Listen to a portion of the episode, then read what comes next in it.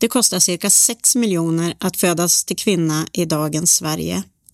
Så mycket lägre är kvinnors genomsnittliga livsinkomst än mäns.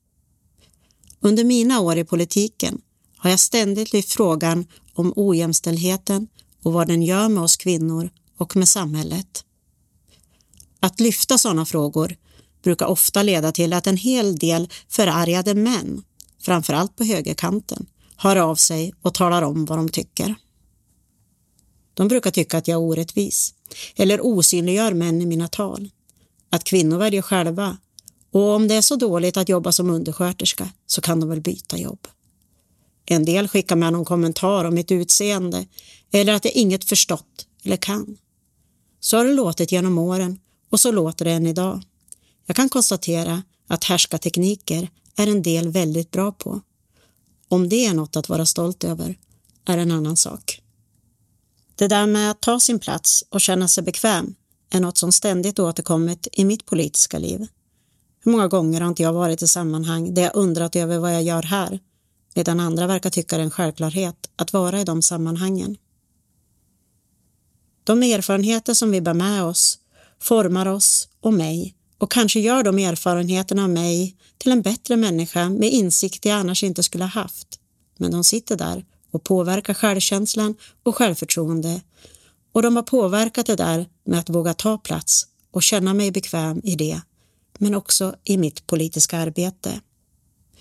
Jag heter Ulla Andersson och det här är min mittårsrapport för Teatertribunalen.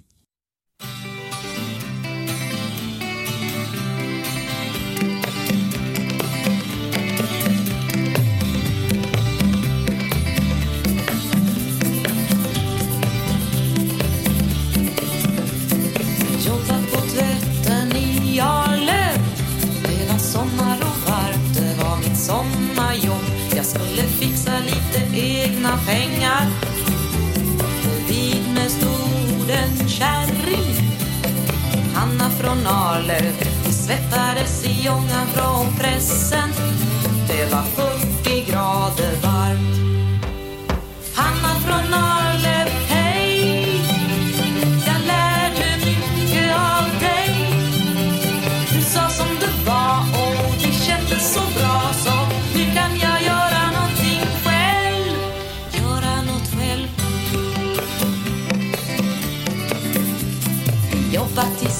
Tillsammans i tvätten Hanna var kommunisten tant på 50 år. Kan väl inte vara kommunist, va? Hon var så förbannad på värmen och på chefen som sa att de inte hade råd med fläktar Kyss mig där bak, sa Hanna.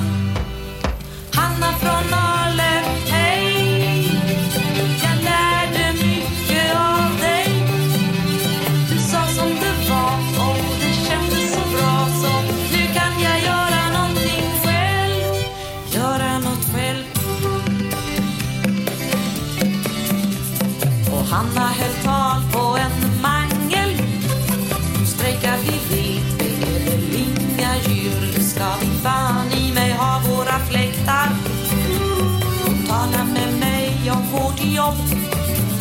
Och om chefens profit och om att vi som jobbar skulle hålla samman. Hon tyckte inte att jag var någon ung och dum tjej. Hanna från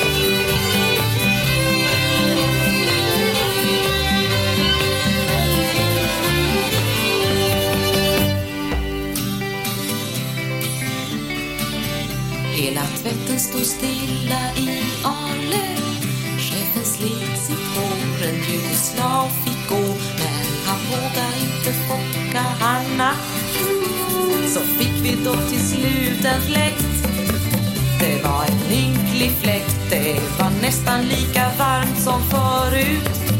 Men jag lärde mig att fightas.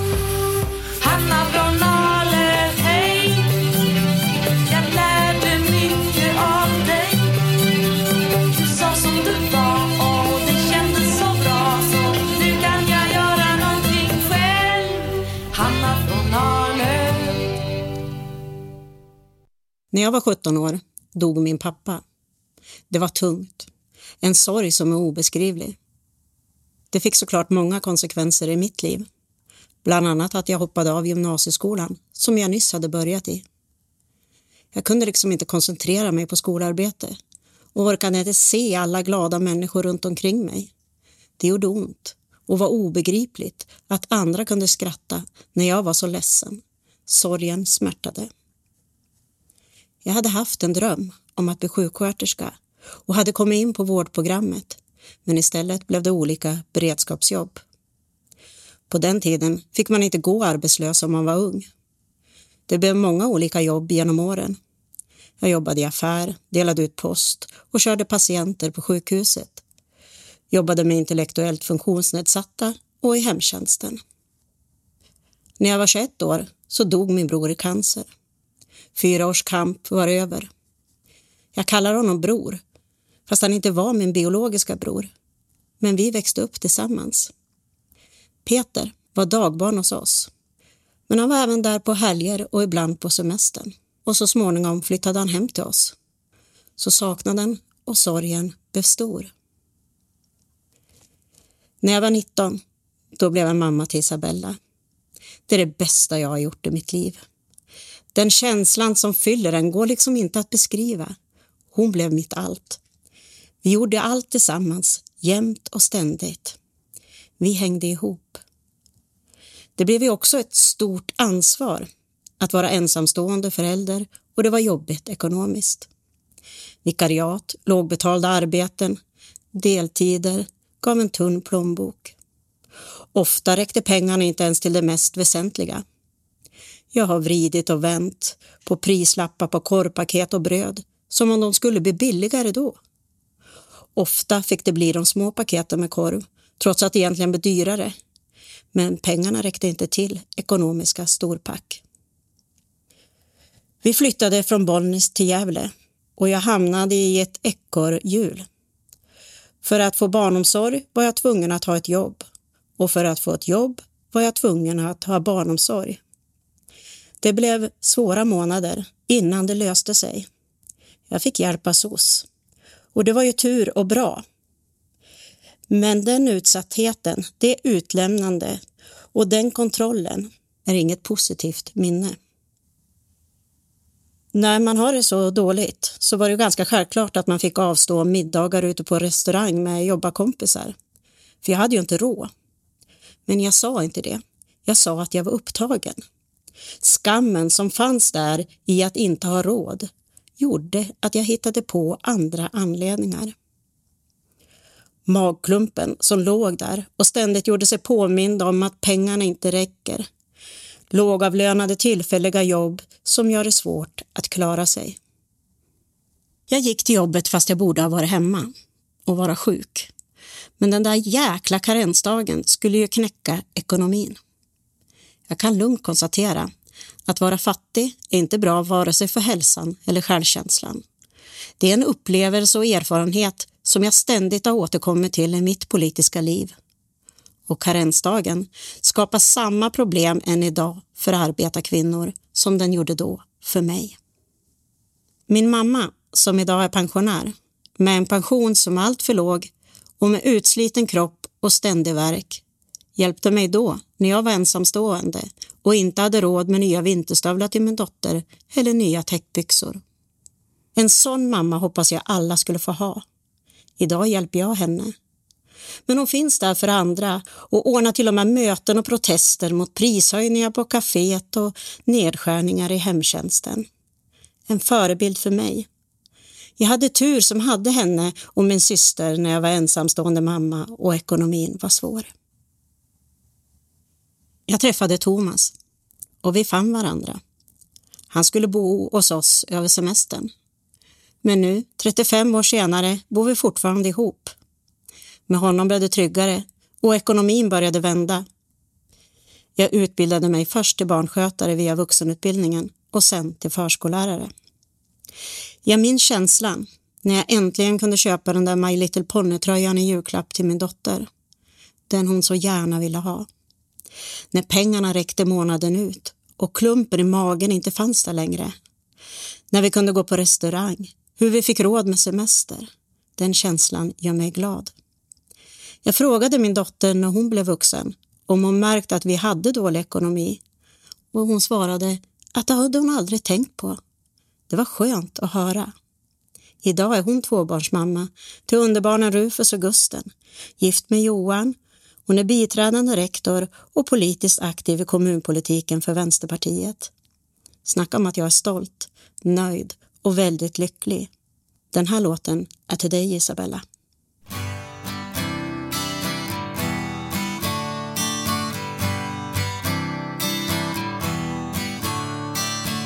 Don't you know we're talking about a revolution? Sounds.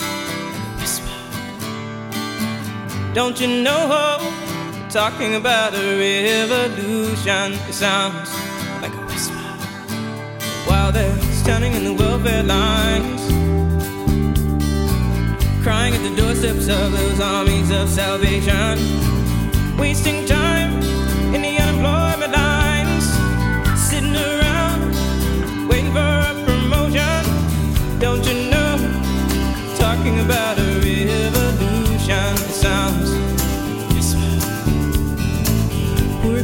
people gonna rise up and get their share.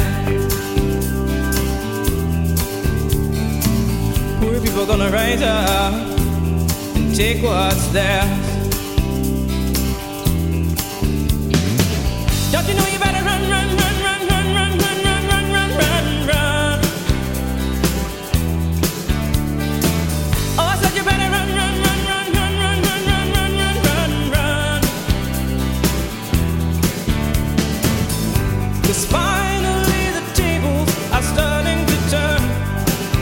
the table. I'm starting to turn. Talking a revolution. Oh, no. Talking a revolution. Oh, Rather standing in the welfare lines. Crying at the doorsteps of armies of salvation. Wasting time in the unemployment lines. Sitting around waiting for. Don't you know? Talking about a revolution sounds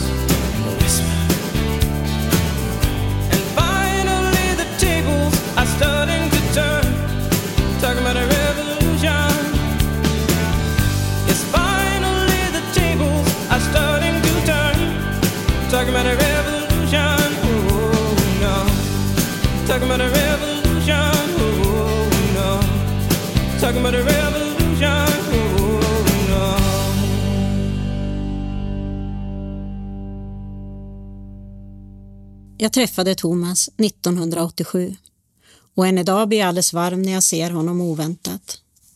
Då dyker Stefan Sundströms låt nästan som reklam upp i huvudet och det pirrar gott.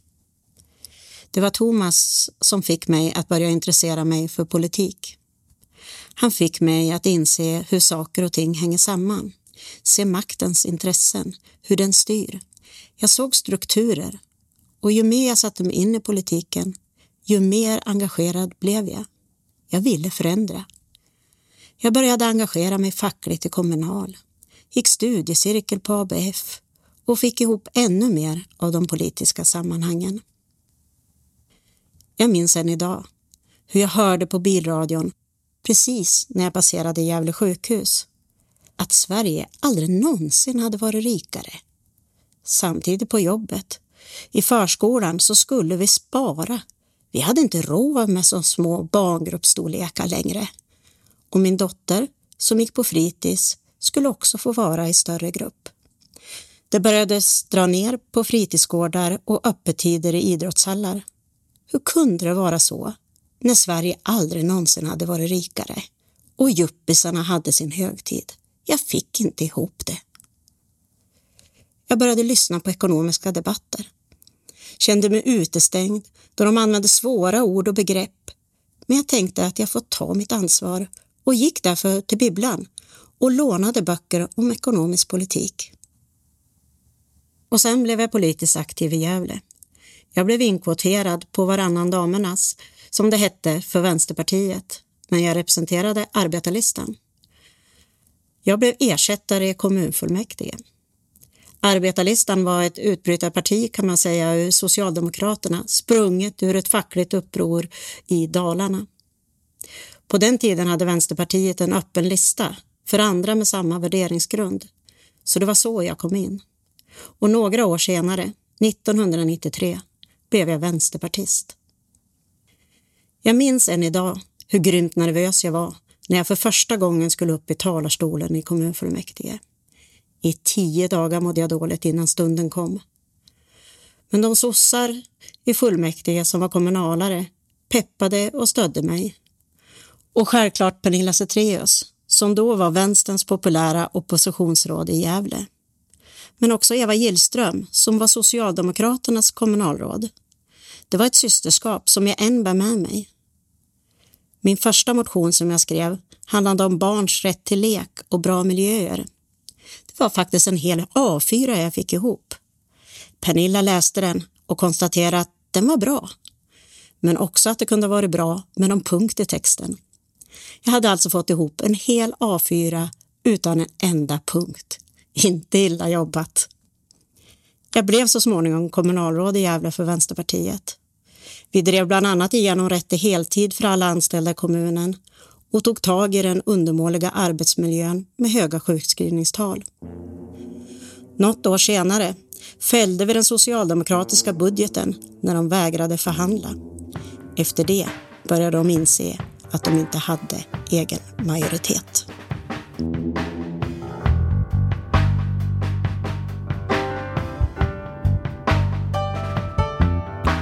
God morgon TV4 med Bengt och med Malou. I köket så stod radion, sjöng om kärlek, hopp och tro. Ingen sa något, müslin damma. Jag går till plugget, hej då mamma. Hej då pappa, där du står i dina skor.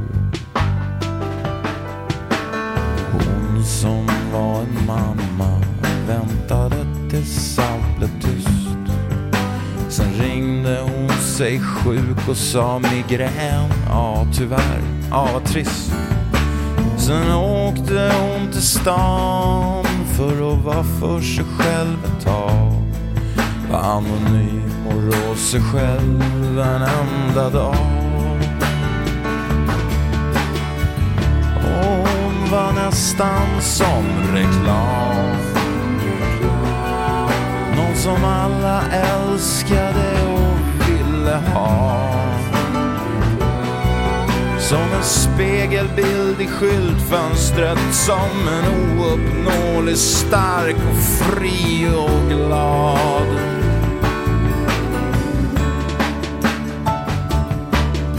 Hon gick och såg en film där människor älskade varann Och hon tänkte på sin kar. Att så där gör aldrig han. Ut ur biografens vila Ut bland citys folk och bilar. På väg in på ett fik såg hon sin man. Och han var nästan som reklam Som en vacker okänd man fast likadan. Hon var van att räkna ut hans nästa steg. Allt var liksom bara slentrian.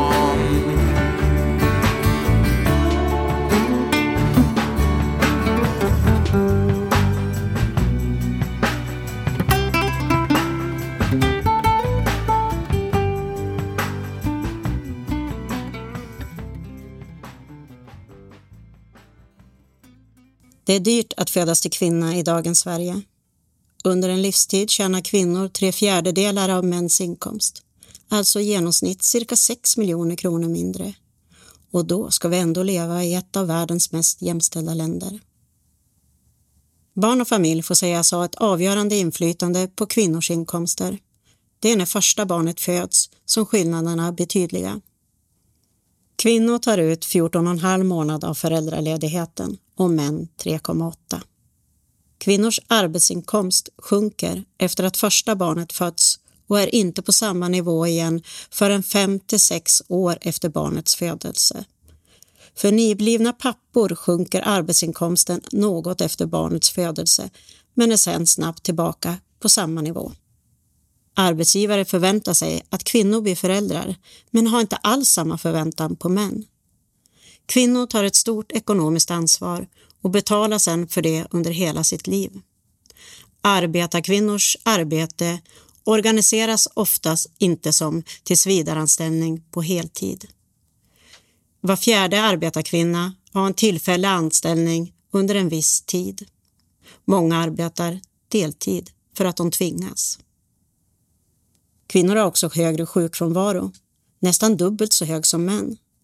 Det obetalda hemarbetet, underfinansierad välfärd, barn, åldrande föräldrar men också visstider och deltider har sitt pris. En man med gymnasieutbildning tjänar i genomsnitt mer än en kvinna med eftergymnasial utbildning. Kvinnor är mer beroende av det sociala skyddsnätet som underhållsstöd, bostadsbidrag, sjukförsäkring, studiestöd och de påverkas därför mer negativt när nedskärningar och åtstramningar används för att sänka skatter. Skattesänkningar som har gynnat höginkomsttagarna och de rika, vilka framför allt är män. Under 25 år har det nästan inte skett någon förändring. Det är skamligt. De politiska prioriteringarna har lågavlönade, sjuka, arbetslösa och kvinnor fått betala priset för.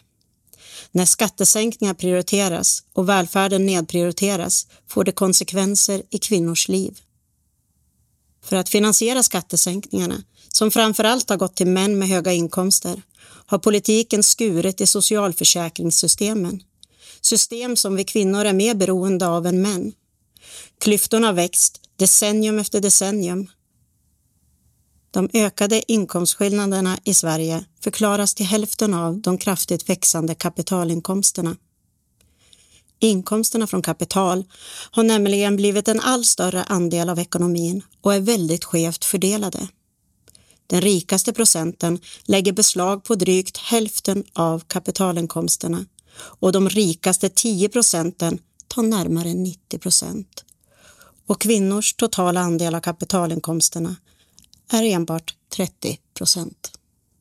En gång räknade jag ut att de rikaste 10 procentens kapitalinkomster enbart för ett år var cirka 300 miljarder.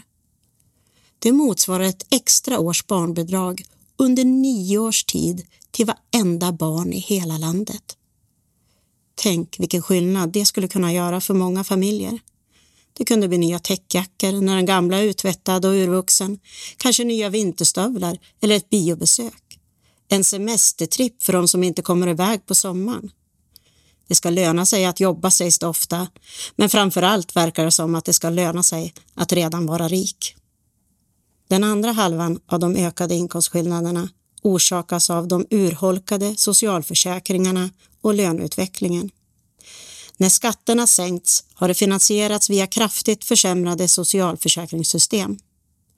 De har det blivit svårare att kvalificera sig till och ersättningsnivåerna har släpat efter eller sänkts. Skattesänkningar har sitt pris.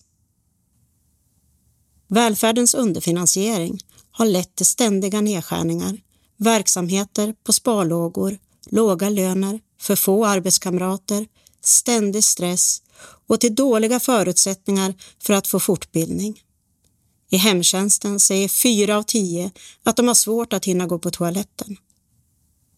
Det har lett till utslitna anställda och allt för få nya som vill söka sig till de så avgörande välfärdsverksamheterna som vård, omsorg, skola och förskola. Många anställda, framförallt kvinnor, har slitit ut sig i sin strävan att räcka till och täcka upp för de bristande resurserna. När de sedan tvingas sjukskriva sig har inte sjukförsäkringen funnits där för dem, utan de har nekats sjukskrivning då regelverket skärpts för att finansiera skattesänkningarna. Sjuka människor fattiggörs. Fler barn tvingas leva i fattigdom på grund av att deras mamma har slitit ut sig på jobbet, vilket i sin tur kan påverka deras skolresultat och hälsa. Det är inget hållbart samhällsbygge och ska vi vara krassa så borde vi inse det av ren egoism och göra något åt det.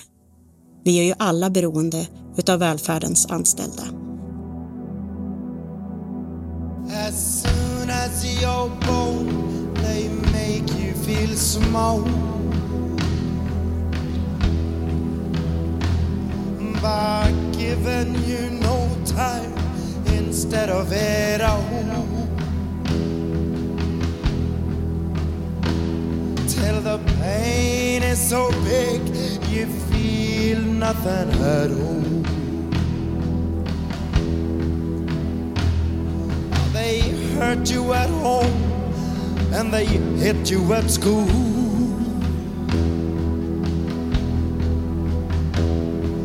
They hate you if you're clever, they despise a fool. Till you're so fucking crazy, you can't follow the rules.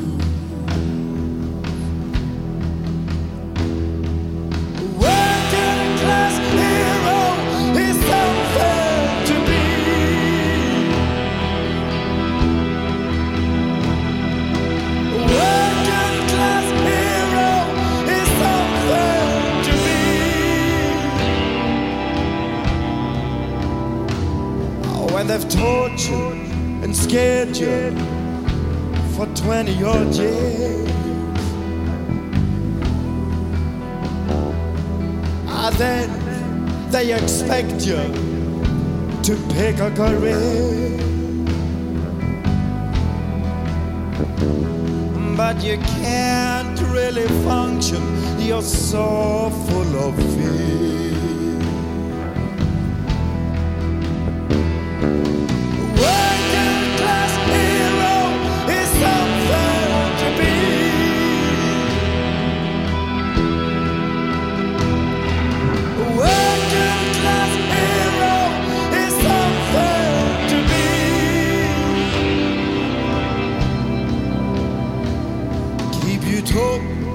With religion and sex and TV.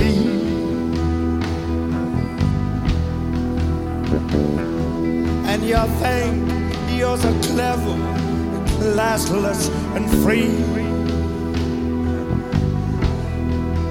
Ah, but you're still fucking peasants as far as I can see.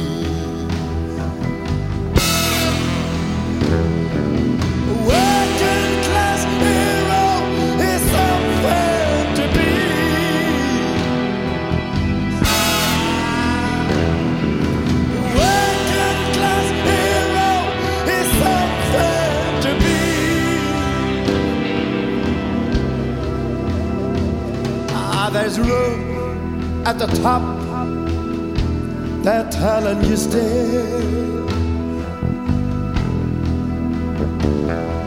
But first, you must learn how to smile as you care.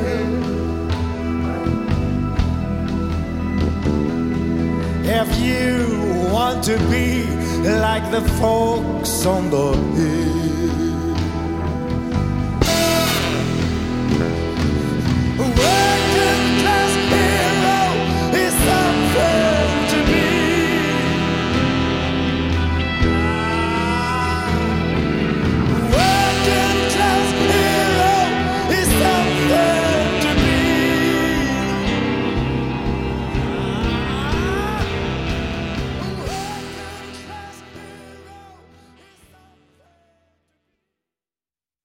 När jag jobbar politiskt, oavsett om det har varit på kommunal nivå eller riksdagen, har jag ägnat en del av min tid åt att praktisera. Främst i äldreomsorgen, men även på sjukhus och i andra verksamheter som skolkök med mera. Jag har tyckt att det har varit viktigt att bilda mig en egen uppfattning om hur det är, vad som behövs, vad som behöver förändras och förbättras. Att lyssna på de gamla, på personalen, har gett mig mycket och har bidragit till att utveckla politiken och de förslag vi lägger. Det finns inbyggt i en kommunal organisation att ju högre upp du sitter, desto bättre framställs verksamheten. Det är inget konstigt i det. Det är liksom självklart att man vill företräda en verksamhet som är väl fungerande, proffsig och bra. Men jag märkte att när jag själv var ute så fick jag höra andra saker. Problem som inte fanns i de föredragningar vi fick höra. När jag ställde frågor om det jag sett, hört eller upplevt så blev det också en annan diskussion, andra svar och också ibland andra lösningar. Ingen kunde ta ifrån mig det jag själv sett och hört. Jag blev starkare och de röster jag ville företräda fick höras. Just det, att låta andra röster höras som annars inte hörs så mycket var en av anledningarna till att jag fortsatte praktisera när jag kom in i riksdagen. Studiebesök är bra och viktigt, men praktik ger mer. Man kommer liksom närmare. Jag har lyft det jag sett och hört i debatter, inte minst om välfärdens underfinansiering och de undermåliga arbetsvillkoren i äldreomsorgen. Om visstider, som nästan är dubbelt så vanligt i äldreomsorgen än på arbetsmarknaden i stort. Om delade turer, då kvinnor som är på jobbet i 12 till 14 timmar men bara har betalt för åtta. De får sitta där och vänta mellan passet på morgonen och passet på eftermiddagen för de hinner inte hem emellan. Arbetsdagarna blir långa och stressiga. När jag lyft kvinnors livsvillkor i till exempel budgetdebatter eller i tv-studion så händer det allt för ofta att jag får elaka mejl, brev om att jag borde vara tyst, att jag inte vet vad jag pratar om, att män minsann också sliter och så vidare. Att skattepengarna visst räcker, bara vi slutar med någon kamelfarm i Göteborg eller vad det nu finns. Jag kan tycka att de istället borde bli arga på orättvisorna och känna att de borde rättas till. Eller tänker de att halva befolkningen ska ha det sämre just för att vi är kvinnor? Kvinnors lägre löner och sämre arbetsvillkor ger ringar på vattnet genom hela livet. Vi får lägre ersättning om vi blir sjuka eller är föräldralediga. Och sen när vi väl får pension slutar vi ofta med att vi blir så kallade fattigpensionärer. Nästan hälften av kvinnorna uppbär garantipension, sju av tio kommunalare. Kvinnor har i genomsnitt 69 procent av mäns pensioner och ungefär hälften av mäns tjänstepension. Var tredje kvinna över 75 år och var sjunde man har så låg inkomst att det innebär risk för fattigdom. Så ser Sverige ut. Det som brukar sägas vara världens mest jämställda land. Den politik som förts de senaste decennierna har betalats framför allt av kvinnor. Den politiken, byggd på nyliberala grunder, skulle ge högre produktivitet, tillväxt och lägre arbetslöshet. Så har det inte blivit. Den ekonomiska ojämlikheten har ökat. Fler barnfamiljer lever i relativ fattigdom. Tillväxten har fått en sämre utveckling på grund av den ekonomiska ojämlikheten och arbetslösheten är konstant hög.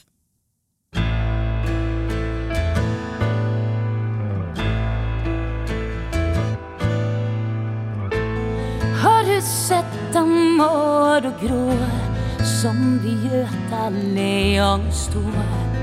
Tugga tomt och blicka vitt mot himmelblå. Frusna kroppar, varma själ och statens ungar och nutidsträl. Ur ett smutsigt skägg till livet du får själv. Att stanna upp, se barnet i en 7-Eleven mugg. Och finna mod att fråga. Få svar genom en glugg. Och tyvärr lätt så liten utav kylan blivit sliten. Och jag ska känna skam. Jag ska känna skam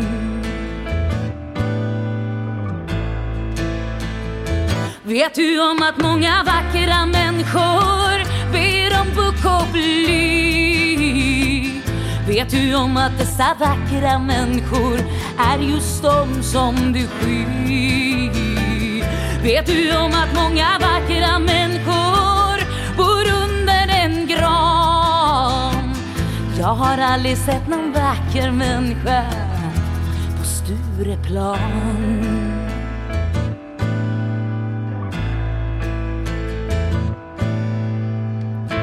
Och jag nu hör i gryning julens bäck dig minner och tunnelbana, stress och inre röst jag gratis dyrbar tid. Ständig rusning, ja stupid Lycka vore frihet ifrån min heltid.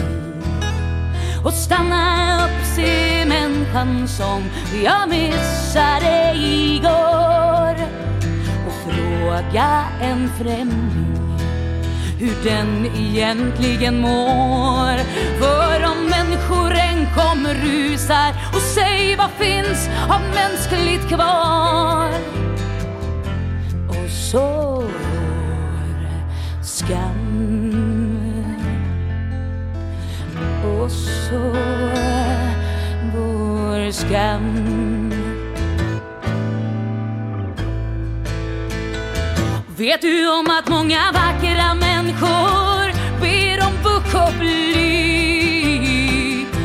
Vet du om att dessa vackra människor är just de som du skyr? Vet du om att många vackra människor bor under en gran? Jag har aldrig sett någon vacker människa på Stureplan. Vet du om att många vackra människor är bara barn?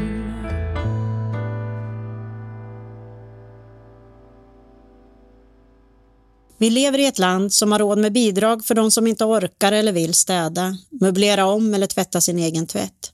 De kan stå där i sina lyxvåningar, stora sommarhus och klaga över det så kallade skattetrycket. Samtidigt har vi en äldreomsorg och sjukvård som skriker efter mer resurser. Det är inte värdigt. I juni 2021 hade de svenska dollarmiljardärerna tillgångar som motsvarar 49 procent av BNP. Det kan jämföras med Ryssland, där motsvarande andel är 40 procent, utan jämförelse i övrigt. USA och Indien, där är andelen 20 procent. Du kan ha en miljard på ISK, investeringssparkontot, plocka ut 50 miljoner i aktieutdelningar och på den betalar du 7,5 procent i skatt enligt en uträkning som Svenska Dagbladet har gjort. Medan en städare i Stockholm med 24 000 i lön betalar 21 procent i skatt. Och gissa vem det är som har svårt att klara sitt uppehälle. 20 till 30 procent av landets vuxna klarar inte av en extra utgift på 12 000. Det hade inte jag heller gjort i mitt tidigare liv. Samtidigt så har vi plockat bort förmögenhetsskatt, arvs och gåvoskatt. Vi har en regressiv fastighetsskatt, det vill säga skatten är inte kopplad till fastighetens värde. Så ägarna till en liten träkåk där hemma i Gävle betalar lika mycket i fastighetsskatt som Fredrik Lundberg gör för sitt palats på tusen kvadratmeter i Djursholm. Vi har en otroligt låg bolagsskatt, så kallade 3.12-regler som omvandlar inkomst till låg beskattad kapitalinkomst för advokater, revisorer, konsulter, läkare, ICA-handlare och riskkapitalister med flera. Vi är unika i västvärlden, så vitt jag känner till, med ett sådant skattesystem. Vi har sänkt de förmögenhetsrelaterade skatterna mest i förhållande till BNP bland OECD-länderna. Klart det göder en liten ekonomisk elit i samhället. Sverige har blivit ett skatteparadis för de rikaste. Samtidigt som vi har gjort denna omdaning av skattesystemet så har vi låtit välfärden stå på undantag med ständiga så kallade effektiviseringar som det heter på politikerspråk eller nedskärningar som det heter på svenska. Skattekvoten har sänkts kraftigt mellan 1990 och 2022 vilket innebär cirka 440 miljarder i sänkta skatteinkomster per år. Och det får konsekvenser. För som de allra flesta vet så finansierar skatterna vår välfärd. Ska vi jämföra 440 miljarder med något? Det kan ju liksom vara lite svårt att föreställa sig den summan. Men det kan vara att vi lägger cirka 95 miljarder i statens budget på utbildning och universitetsforskning. Drygt 110 miljarder på hälso och sjukvård och social omsorg och 41 miljarder på ekonomisk trygghet vid ålderdom. Det är politiska beslut som har tagit oss hit. Det som arbetarrörelsen kämpat för i decennium efter decennium gick fort att bryta ner. Ta våra socialförsäkringssystem, de som är en central del av den så kallade svenska modellen och där du ska vara försäkrad om olyckan är framme, om du blir sjuk eller arbetslös, där vi delar risken mellan varandra. Försäkringarna är inkomstrelaterade, så du ska vara garanterad en viss del av din inkomst under tiden då du är sjuk eller arbetslös. Men den andelen har sjunkit och sjunkit och det har blivit svårare och svårare att kvalificera sig till försäkringarna. Genom att ställa hårdare och hårdare krav på sjuka och arbetslösa sätts en press nedåt på de lägsta lönerna. De löner som många arbetarklassen har, de som jobbar i handeln, på restauranger, som personliga assistenter, där deltider och visstider är vardagsmat, visstider som dessutom gör det svårare med facklig organisering. På det ska det läggas det så kallade jobbskatteavdraget. Teorin bakom det är att du ska ta dig i kragen och ta ett jobb om du får veta att du får en skattesänkning när du tar det där jobbet. De tror alltså att du är arbetslös för att du inte vill jobba. Och den skattesänkningen ska i sin tur sätta en press på lönerna nedåt och så ska det skapas nya jobb. Vi ska alltså gå bakåt in i framtiden med fler och fler låglönejobb som du inte kan försörja dig på. Hur vore det istället om vi investerade för att pressa ner arbetslösheten? Det skulle ge fler jobb och vara effektivare. Behoven är stora. Vi behöver fler anställda i välfärden. Vi behöver göra en stor klimatomställning, bygga bort bostadsbrist och bygga ut infrastrukturen som till exempel järnvägen. Tänk vad jobb det skulle skapa och tänk vilken gemensam nytta det skulle göra.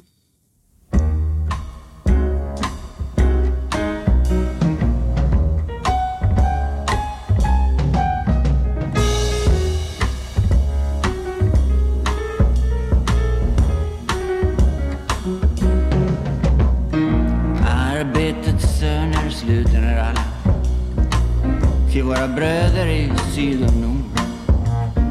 Hör ni ej ut över världen befrielsens ord. Ur den förödande träldomens skrift upp till en hedrande ädel bedrift. Oket mot påskriften bed och försaka länge oss nedtryckt i mörker och nöd. Och människovärdet vi fordra tillbaka Kämpa för rättvisa, fred och bröd Människovärdet vi fordrar tillbaka. Kämpa för rättvisa, fred och bröd.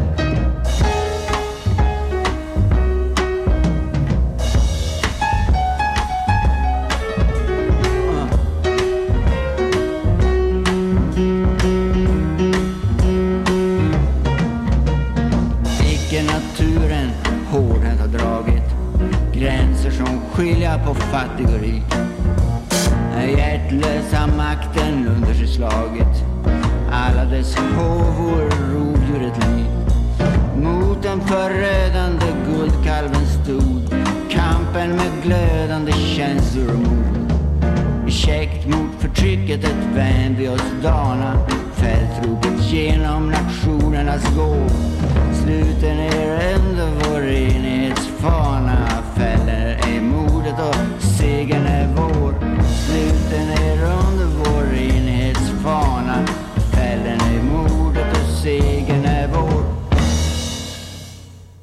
Det har varit viktigt för mig att belysa kvinnors och mäns skilda livsvillkor, men också klassperspektivet och just lyfta fram kravet på förändring.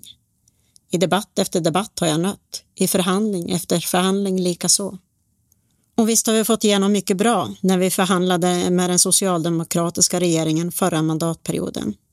Vi var inställda på att förändra här och nu och drev sådana reformer som skulle göra det. Totalt blev det ett drygt 90-tal reformer för jämlikhet.